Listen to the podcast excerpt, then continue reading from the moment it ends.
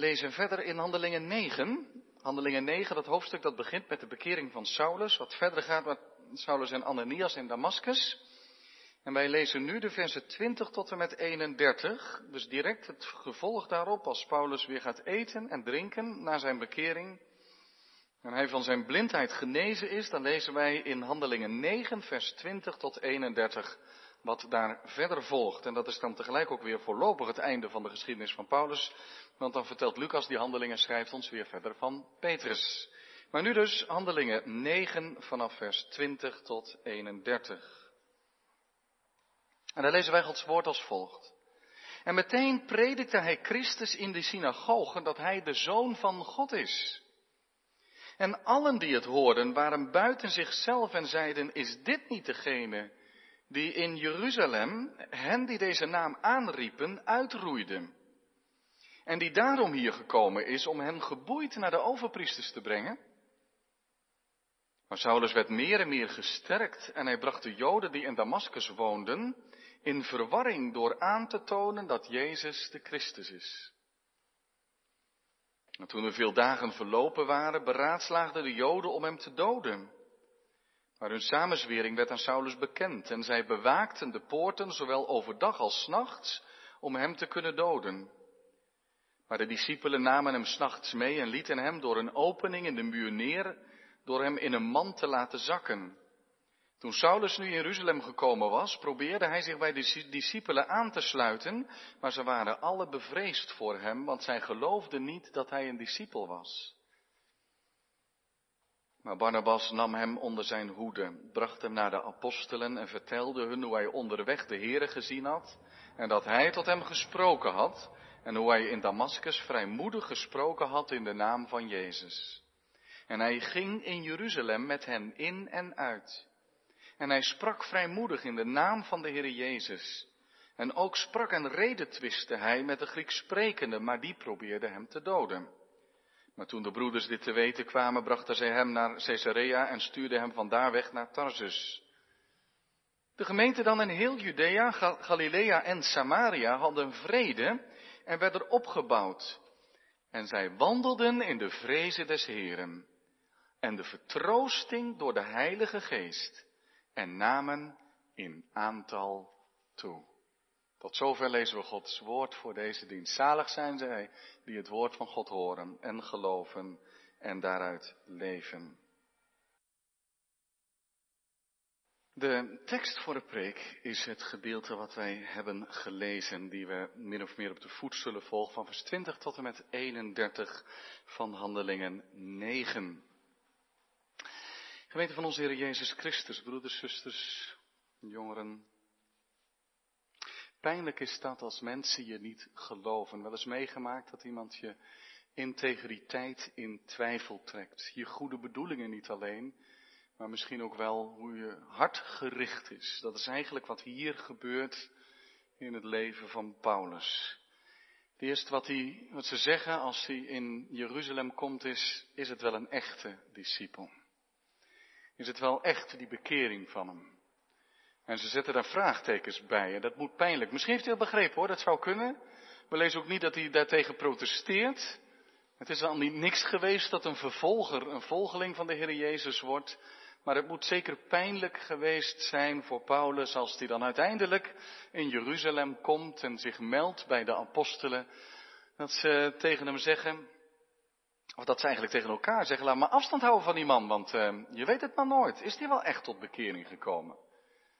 En als ze dat op een gegeven moment geloven, en ze aanvaarden hem als een broeder, en Paulus zegt, ik ben zo gedreven, dat is een roeping, dat heeft de Heer Jezus zelf tegen me gezegd om het evangelie te verkondigen.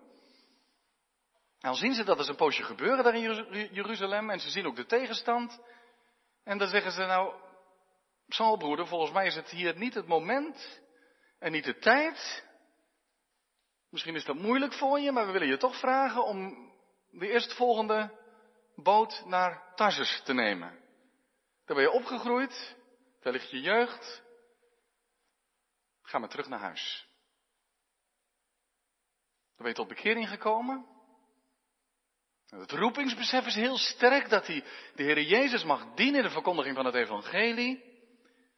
En de apostelen in Jeruzalem zeggen, je kan maar beter naar huis gaan.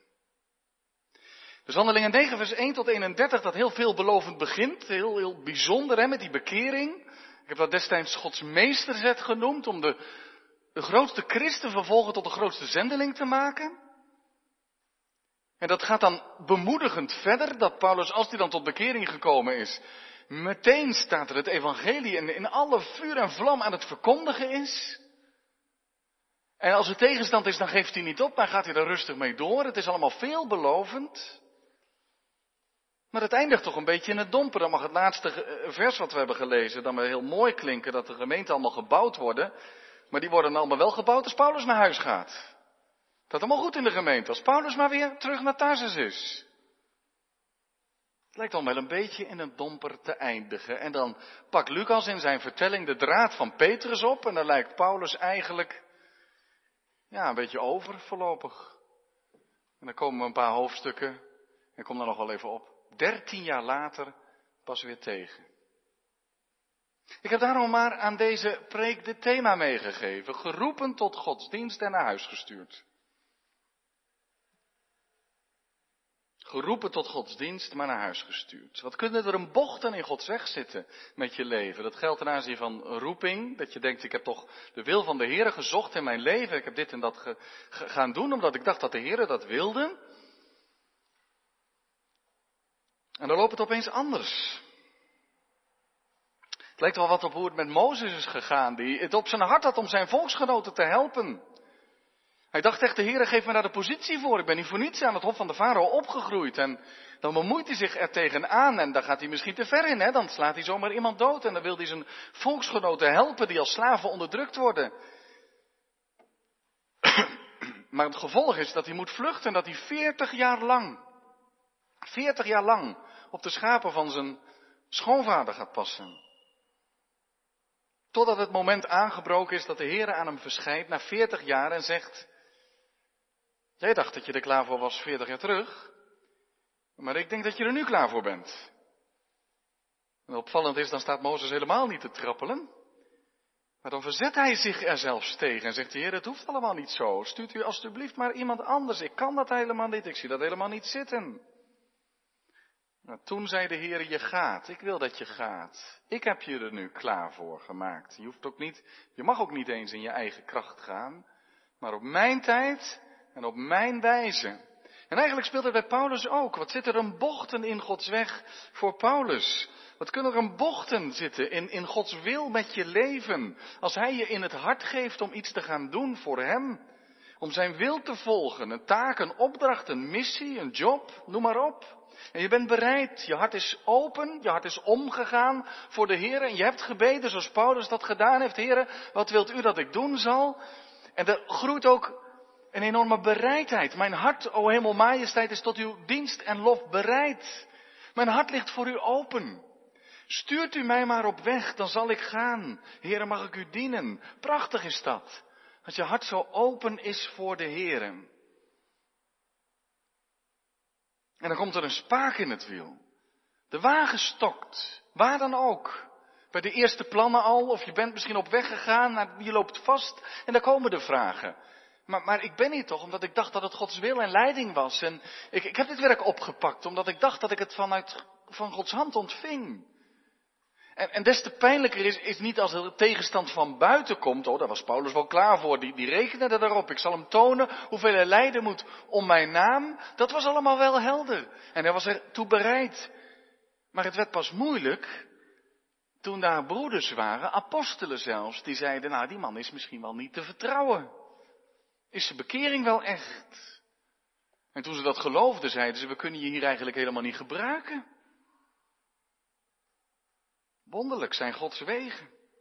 Nu, we beginnen te lezen in vers 20, waar als Paulus de ogen weer geopend worden, na de handoplegging van Ananias en het ontvangen van de Heilige Geest, dat hij meteen het evangelie gaat prediken. Hij laat er geen gras over groeien. Meteen predikt hij het evangelie. Te snel, denkt u misschien? Moest hij niet eerst naar de universiteit of het seminarie of zo? Je zou aan Paulus kunnen vragen, Paulus, weet je wel wat je preken moet? En Paulus zou gezegd hebben, dat weet ik absoluut. Ik heb een opleiding gehad. Ik heb aan de voeten van Gamaliel de schriften bestudeerd. En nu in één keer vallen al die dingen op hun plaats. Nu zijn zijn ogen opengegaan dat die allen over de Heer Jezus gaan. En dat in Jezus Christus de belofte in vervulling gaan. Van die Zoon van God die komen zal. En van de Messias, de gezalfde van God, die het werk van God zou gaan doen.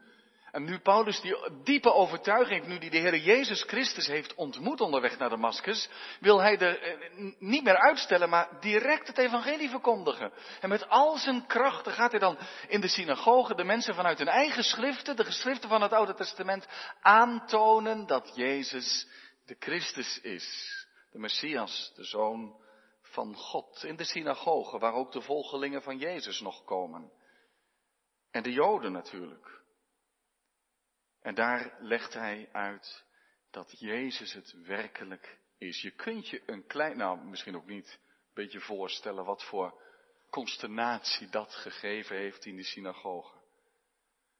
Ze waren er allemaal al een beetje bang van. Er komt een man uit Jeruzalem, het gerucht was voor hem uitgegaan naar Damascus. En die man, die Paulus, die komt de christenen van hun dwaalweg afbrengen, van Christus terug naar Mozes. En diezelfde man, een korte tijd, wat is het, een week later, twee weken later, drie weken later, die ontvangt de boekrol in de synagoge, opent hem en die gaat vanuit die boekrol uitleggen dat Jezus de Christus is. Hoe heb ik het nou? En, en de christenen die kijken maar opgetogen aan, die zeggen wat is dat geweldig. God heeft ingegrepen en deze man verkondigt het evangelie. Die zullen ook met ogen als schoteltjes gekeken hebben. Maar de Joden die dat helemaal niet willen horen, en die juist wel blij waren dat die Paulus kwam om uh, die volgelingen van Jezus, van de weg van Jezus, eens goed aan te pakken. Die keken ook met ogen als schoteltjes, maar gevuld met woede en haat. Hoe kan dat, dat die man dit zegt? Ze waren vol verwarring zelfs. En Paulus die, die laat zich niet afschrikken. In vers 21 staat dat alle die het hoorden buiten zichzelf waren en zeiden, is dit niet degene die in Jeruzalem hem die deze naam aanriepen uitroeide? Zo lag het. En die daarom hier gekomen is om hen geboeid naar de overpriesters te brengen. Maar Saulus werd meer en meer gesterkt en het lijkt alsof hij sabbat na sabbat vuriger en vuriger het evangelie van Jezus Christus gaat verkondigen. En zo brengt hij de Joden die in Damaskus woonden in verwarring door aan te tonen dat Jezus de Christus is. Ja, verwarring. Dat is ook wat prediking doet. En het is onvermijdelijk. Hoe kon Paulus dat voorkomen? Had u een manier waarop hij zo kon preken dat iedereen mee was? Eh, het kan niet anders of hun leven gaat op de kop. Het kan niet anders of het tast hun hele denken aan dat Jezus Christus de Zoon van God is. Net als het zijn eigen leven in totaal in verwarring had gebracht dat hij Jezus Christus ontmoette. En dat hij sindsdien de kerk in plaats van te vervolgen gaat mee opbouwen. Hij brengt ze in verwarring. En dat mag vandaag de dag ook gebeuren. Als de Heer je aanspreekt, wil hij dat je denken en je leven op de kop komt te staan als je hem nog niet kent. En misschien wel steeds en steeds opnieuw. Dat je telkens niet, niet uitgaat van wat je zelf gevonden hebt, maar telkens weer mag luisteren naar het evangelie van de Heer Jezus Christus. Wat je hart en leven op de kop zet. En dat je buigt voor hem en zijn genade ontvangt en hem gaat beleiden. Nu direct neemt Paulus zijn roeping waar en verkondigt het evangelie. En, en dan vertelt Lucas ons in vers 23 dat er veel dagen verlopen waren. Daar lees je heel gemakkelijk overheen, want je vraagt je misschien af, is dat een paar weken gebeuren geweest, of is dat een paar dagen, of een paar, maanden, een paar jaren misschien geweest? Vele dagen, zegt hij. En dan vertelt hij over hoe het op scherp komt te staan in Damascus. Maar wat Lucas hier niet vertelt, hij zegt alleen vele dagen, dat lezen we wel in de brieven van Paulus. Paulus vertelt in Galaten 1 dat hij in die tijd waar Lucas, laat hij liggen, die zegt gewoon na veel dagen gebeurde iets anders en dan laat zijn vertelling zo doorlopen en laat heel wat daar tussendoor gebeurd is, laat hij liggen. Maar in Galaten 1 vertelt Paulus dat hij nog drie jaar lang in Arabië geweest is. Dus dat hij direct het evangelie verkondigd heeft in Damascus. Maar dat hij misschien, we weten dat gewoon niet wat er gebeurd is, dat misschien zelf heeft gedacht van nee, het komt toch te vroeg. Het, het komt niet, of het komt niet over, of de, de anderen nemen de verkondiging wel weer over. Ik, ik ga naar Arabië. Ten zuidoosten van Israël trekt hij zich terug. En sommigen zeggen, ja, dat heeft hij gedaan voor bezinning en retraite, om al dat nieuwe tot zich door te laten dringen. Je zou kunnen zeggen, heel zijn theologisch denken te laten hervormen. Maar het zou ook goed kunnen zijn dat hij ondertussen al begonnen is met evangelisatie en zending in Arabië. Omdat daar blijkt dat hij die koning Aretas, 1 of 2 Korinthe 11 vertelt ons daar iets over, dat hij die tegen zich heeft gekregen en dat hij, die, dat Paulus juist wilde terechtstellen. En tegen de Joden in Damascus heeft gezegd, nou als die terugkomt, lever hem alsjeblieft aan me uit. Ik wil wel meewerken aan het opruimen van Paulus. Dus misschien heeft hij het evangelie verkondigd in Arabië. Wij weten dat niet. In ieder geval weten we dat er veel meer gebeurd is dan dat handelingen ons vertelt.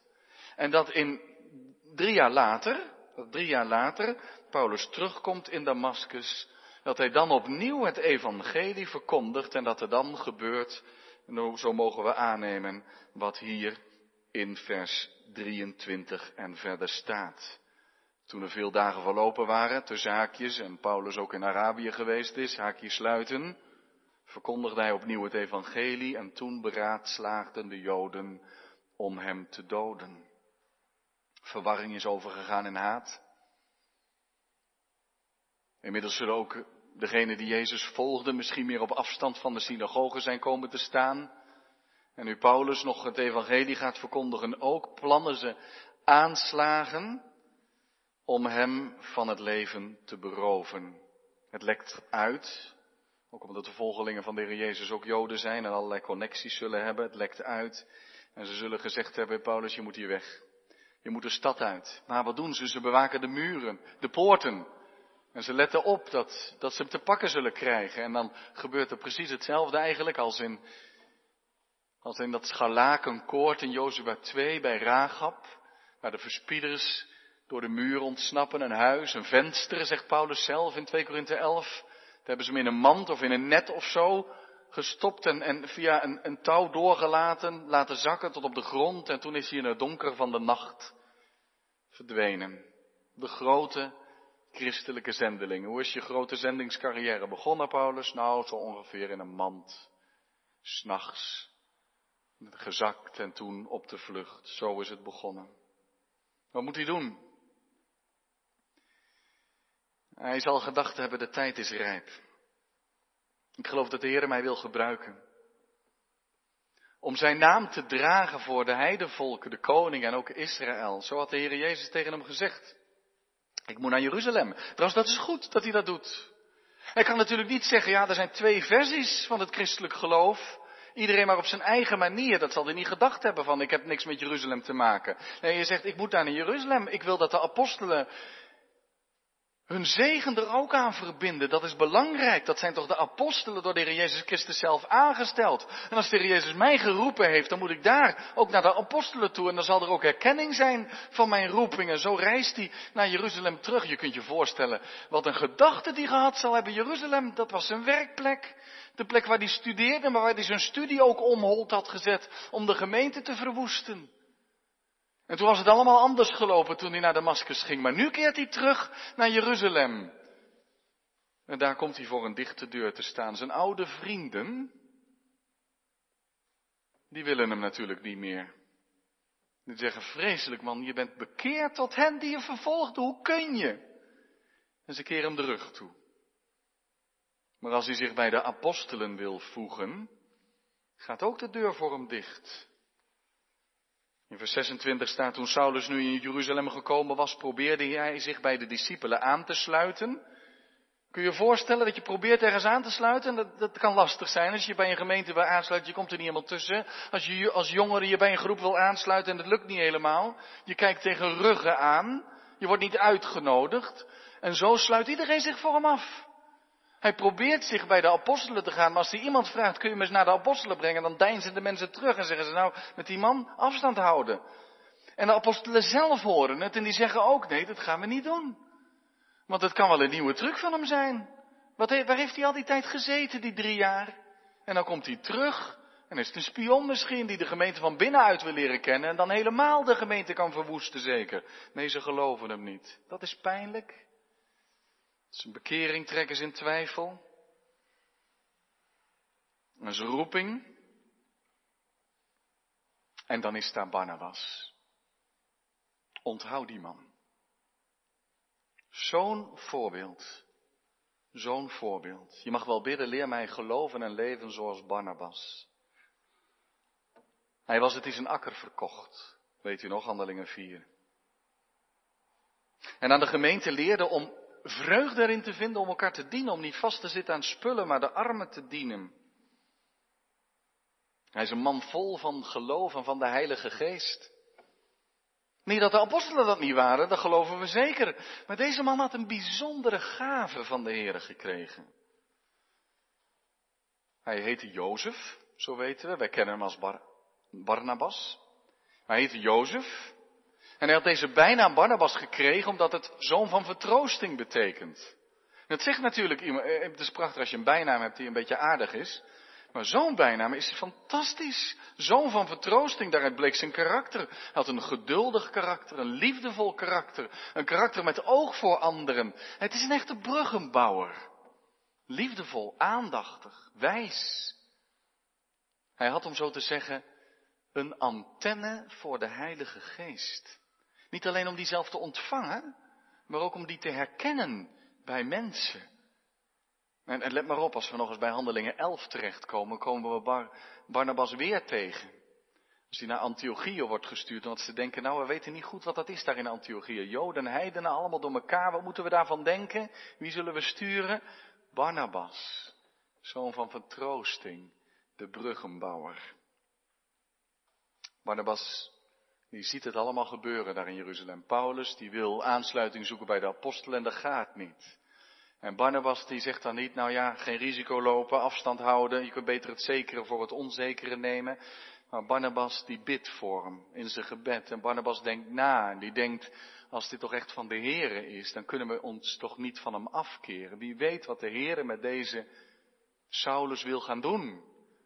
En er is een bepaalde openheid en die, die, die kijkt en die observeert en die zegt, ja maar hier, hier is de Heer aan het werk. Dan kun je jezelf in bescherming nemen, maar dan, dan laat je iets liggen. Dat kan niet.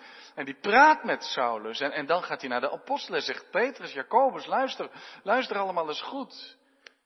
Ik snap dat je bang voor hem bent, maar er is echt iets gebeurd. Moest horen wat hij gedaan heeft in Damascus. Hij heeft het evangelie verkondigd. Ontvang hem nu. Want anders dan hou je het werk van de Heer misschien tegen. Kan het niet zijn dat de Heer grote wonderen doet? Mogen we dat niet geloven? Zo is die bruggenbouwer Barnabas bezig. Bent u ook zo'n bruggenbouwer? Vers 27, Barnabas nam hem onder zijn hoede. Hij ontfermde zich over hem.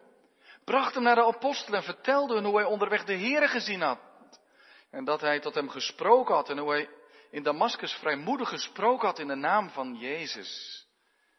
En dan is het ijs gebroken. Dan komen ze over de brug.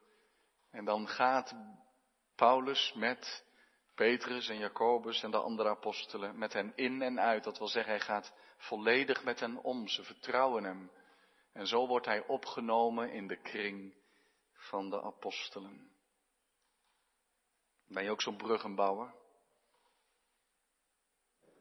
Dat je het werk van de Heilige Geest herkent Kijk, dat begint al. Het begint al bij een verlangen daarna. Heere, werk toch met uw geest in mensen. Mag ik dat zien en dan, dan aansporen en bemoedigen? Dat je iemand schaven opmerkt. En zegt, joh, ga er maar wat mee doen. Of dat je zegt, luister toch vooral naar hoe de Heilige Geest je leidt. En wees bereid om hem te dienen. En je stimuleert roeping. Nee, je neemt dat niet over. Je kunt niet zelf iemand roepen tot een taak je kunt wel zeggen, zou het niet wat voor jou zijn? Wil je er eens voor bidden? Ik bid er ook voor. Mogen we samen zoeken, om, en vragen om wijsheid. Ik heb dat zelf ook meegemaakt. De tijd dat ik zelf erg bezig was met roeping. En ook wel eens tegen een dichte deur aankeek. En iemand zomaar tegen me zei, heel bemoedigend, vaderlijk. Beetje zoals Barnabas. Eenvoudig zei, geef niet op, blijf luisteren naar wat de Heilige Geest in je spreekt. Kan het belangrijk zijn? Iemand als Barnabas in je leven. En als hij dan opgenomen is in, het, in de kring van de apostelen, merk je dat het vuur oplaait van de prediking. Hij wil zo graag. En dan gaat hij het evangelie weer verkondigen en dan zoekt hij de Grieks spreken op. Dat zijn zijn eigen mensen. Hij is zelf ook Grieks sprekend uit Tarsus. En dan gaat hij twisten. Het hetzelfde als, als toen met Stefanus. Je kunt je afvragen, is dat dan een manier zo confronterend? Zo heel direct het evangelie vertellen en zeggen, ja, ik, ik dwaalde zelf ook, maar ik ben bekeerd en jij moet je ook bekeren, anders gaat het niet goed. En Jezus is het werkelijk, dan heb je daar de confrontatie. Dan kun je afvragen, zegt Saulus, is dit nou de manier? Wie zal het zeggen?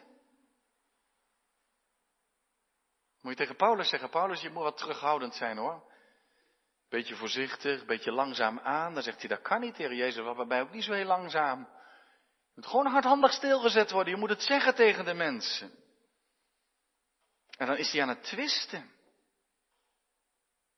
Hij zegt, ze moeten het weten. En trouwens, hij staat daarmee in de lijn van Stefanus, die ook met hen reden twisten. En het werd zijn dood. En Paulus zegt, ik ben bereid. Als de s'avonds, je kunt je dat een beetje voor je zien, het, erover hebben, is hij bij die apostelen terug. Zoals je dag, Paulus, zegt Petrus dan. En, en Paulus zegt dan, nou, het was, uh, het was pittig, maar ik heb ze weer vanuit Jezaja 53 en zo, zo nog wat hoofdstukken, heb ik ze verteld dat Jezus het echt is. En ze waren het er niet meer eens en ze werden zo voedend. En dan keken ze bezorgd naar Paulus en Paulus, hoeft niet voor mij niet bang te zijn. Ik heb het ervoor over. Ik heb de gemeente vervolgd. Als ik moet sterven voor de naam van Jezus, dan ben ik bereid. En zo zien ze dat eens een tijdje aan en de confrontatie wordt heviger. En na verloop van tijd zijn er weer, wordt uitgelekt, er zijn weer plannen om Paulus te doden. En dan zeggen de apostelen, zeg, zegt Paulus broeder, luister eens. We denken toch dat dit niet de weg is. Het is toch niet zo'n goed idee dat je hier bent. Je zit vol vuur het evangelie te verkondigen. Het levert uh, twist en tweedracht op. We geloven niet dat dit de manier is. Oeh, wat is dat lastig. Enerzijds kun je zeggen, ja, maar dat, dat, is, dat, is, dat hoort erbij. Trouwens, de Heer had ook gezegd, ik zal hem tonen hoeveel lijden moet om mijn naam. Maar de apostelen zeggen, dit is niet de tijd en niet de manier, dit is niet je plek. Dat is moeilijk. Jouw roeping, Paulus, ligt volgens ons ergens anders. Je wilt zo graag en je bent zo vurig en je doet het ook wel goed. En dan zeggen je broeders en je vrienden, nee, het is niet de tijd, niet de wijze. Ga maar naar huis. Ga maar naar Waar moet ik heen dan, zegt hij. Damascus kan ik niet zijn. In Jeruzalem kan ik niet zijn. Maar moet ik naartoe? En dan zeggen ze, zeggen ze, ja, we kennen je. Je bent er van Tarsus. Wat je doet, we brengen je naar Caesarea, pak je de eerste lijndienst naar Tarsus, Klein-Azië, huidig Turkije. En wat God met je leven wil, wij weten dat ook niet precies. Maar als God je roept, als de Jezus je roept, zal hij je heus wel helpen om ergens aan het werk te komen. Ik weet niet maar wat voor gevoel Paulus daar op die boot gestapt is. is. Je zou zeggen, hij heeft nog wel wat tegengesput, dus dat lezen we niet. En dat heeft hiermee te maken je zou verwachten dat Saulus zegt, dat kan de wil van de Heer niet zijn. Jullie strijden tegen de wil van de Heer, want ik ben geroepen. Dat zegt hij niet. In Handelingen 22, vers 18 tot en met 21, vertelt Paulus hierover. En dan zegt hij dat hij zelf in de tempel een visioen heeft gehad. En het overkwam mij, ik begin te lezen in Handelingen 22, vers 17, het overkwam mij toen ik in Jeruzalem teruggekeerd was en in de tempel bad dat ik in geestvervoering raakte. En dat ik hem zag, Jezus. En hij tegen mij zei, haast u en ga met spoed uit Jeruzalem weg, want ze zullen uw getuigenis over mij niet aannemen. Gaat hij daarom zo gewillig, omdat hij het van de Heer zelf ook gehoord had. Maar dan komt nog even die oude Saulus boven. En die gaat discussiëren met de Heer en zegt, nou Heer, dat is toch misschien niet zo'n goed idee. Ik denk dat ik hier echt van, uh, van nut kan zijn, dat ik hier mijn plek van u wel krijg. En ik zei, Heer, ze weten dat ik hem die in u geloofde en in de gevangenis wierp en in die synagoge liet geeselen. En toen het bloed van Stefanus, uw getuige, vergoten werd, stond ik daar ook bij en ik stemde van harte in met zijn dood. En past op de kleren van hen die hem doden. En zo zegt hij eigenlijk, juist omdat ik de gemeente vervolgd heb, is er niemand geschikter om het evangelie in Jeruzalem te brengen aan de Grieks sprekende dan ik, heren. U heeft het toch zelf zo gedaan? U heeft mij hiertoe geroepen. En er is weerstand, maar er is niemand die aan het evangelie beter kan vertellen dan ik. Daar heb je die oude Saulus, die zegt, heren, nu kunt u me wel wegsturen, maar wat is dat nou precies? U roept mij toch? Maar de Heere Jezus gaat niet met hem in discussie en zegt, ga. Gehoorzaam nou. Want ik zal u ver weg zenden naar de heidenen. Jezus zegt, ze zullen in Jeruzalem niet naar je luisteren. Laat die taak maar aan anderen over. ik heb voor jou een andere taak. Je moet gaan. Niet hier blijven, maar naar de volkeren. Want jij bent mijn instrument, weet u nog? Een vat, een tool, een dienblad zou je haast zeggen, om mijn naam te dragen naar de heiden. En zo gaat hij. Ongetwijfeld met een hart vol vraagtekens. Hoe nu verder? De Heer zegt, ik zal je gebruiken. Op mijn tijd en op mijn manier. En het belangrijkste, als de Heer je roept, geldt voor ons allemaal. De Heer roept ons tot zijn dienst. Op elke plek waar je leeft, woont, werkt, denkt, studeert, handelt. Kunnen soms bochten in zitten. En het is eigenlijk, eigenlijk nooit zo. Ook al is de Heer soms heel duidelijk in een bepaalde opdracht en beroeping, maar je krijgt eigenlijk zelden het hele leven voor je uitgetekend. Zelden, misschien nooit. Dat je precies weet hoe het nu verder zal gaan. Oh, Saulus weet dat hij geroepen is. Maar daar zitten er nieuwe bochten in bochten. En soms heb je het gevoel dat je op doodspoor terechtkomt. Later ziet Saulus dat anders. Zelfs tot, als hij in de gevangenis terechtkomt, dan sta je pas op doodspoor naar je gevoel. En dan zegt hij niet, nou ja, helaas, ik kan nu mijn werk niet doen. Maar dan zegt hij, oh, de Heer heeft er zijn weg mee en hij gaat door met zijn weg. En ik ben wel geboeid, maar het woord van de Heer is niet geboeid. De Heer gaat even goed door met zijn werk. En hier zit hij op de boot naar Tarsus. Is dat niet de kern van geroepen zijn in zijn dienst? Waar ook? Dat je zegt, heren, hier ben ik. Ik doe uw werk met uw leiding en met uw gaven. En ik zie op naar u. En leidt u mijn leven verder. Leid mij, Heer, waar u maar wilt. Leer mij mijn kruis op me te nemen en u achterna te gaan. Waar u ook maar zendt, mag ik daar gaan. Dat is roeping. De kern van de roeping is niet weten, maar vragen en wachten en gaan. Bereid zijn om te dienen waar de Heere wil. Best schrijnend dan eigenlijk, hè? dat mooie vers waarmee dit gedeelte afrondt, vers 31. Dan uh, zwaai je ze, je ziet bijna in gedachten dat schip waar Paulus op zit, aan de horizon verdwijnen.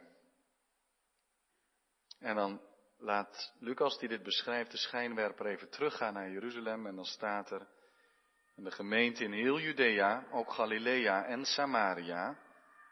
Dat is een afrondend gedeelte even tot hiertoe, hè?